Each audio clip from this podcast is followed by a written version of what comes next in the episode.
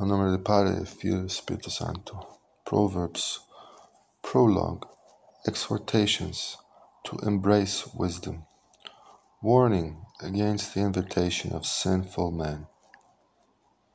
Listen, my son, to your father's instruction, and do not forsake your mother's teaching.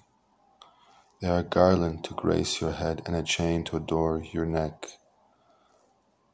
My son, if sinful men entice you, do not give in to them. They say, Come along with us. Let's lie in wait for innocent blood. Let's ambush some harmless soul. Let's swallow them alive, like the grave, and whole, like those who go down to the pit. We will get all sorts of valuable things and fill our houses with plunder. Cast lots with us. We will all share the loot. My son, do not go along with them.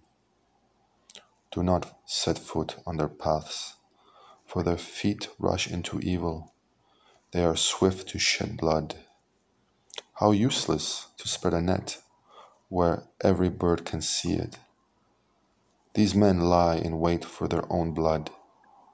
They ambush only themselves. Such are the paths of all who go after ill gotten gain. It takes away the life of those who get it.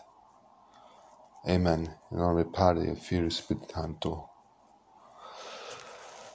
Hans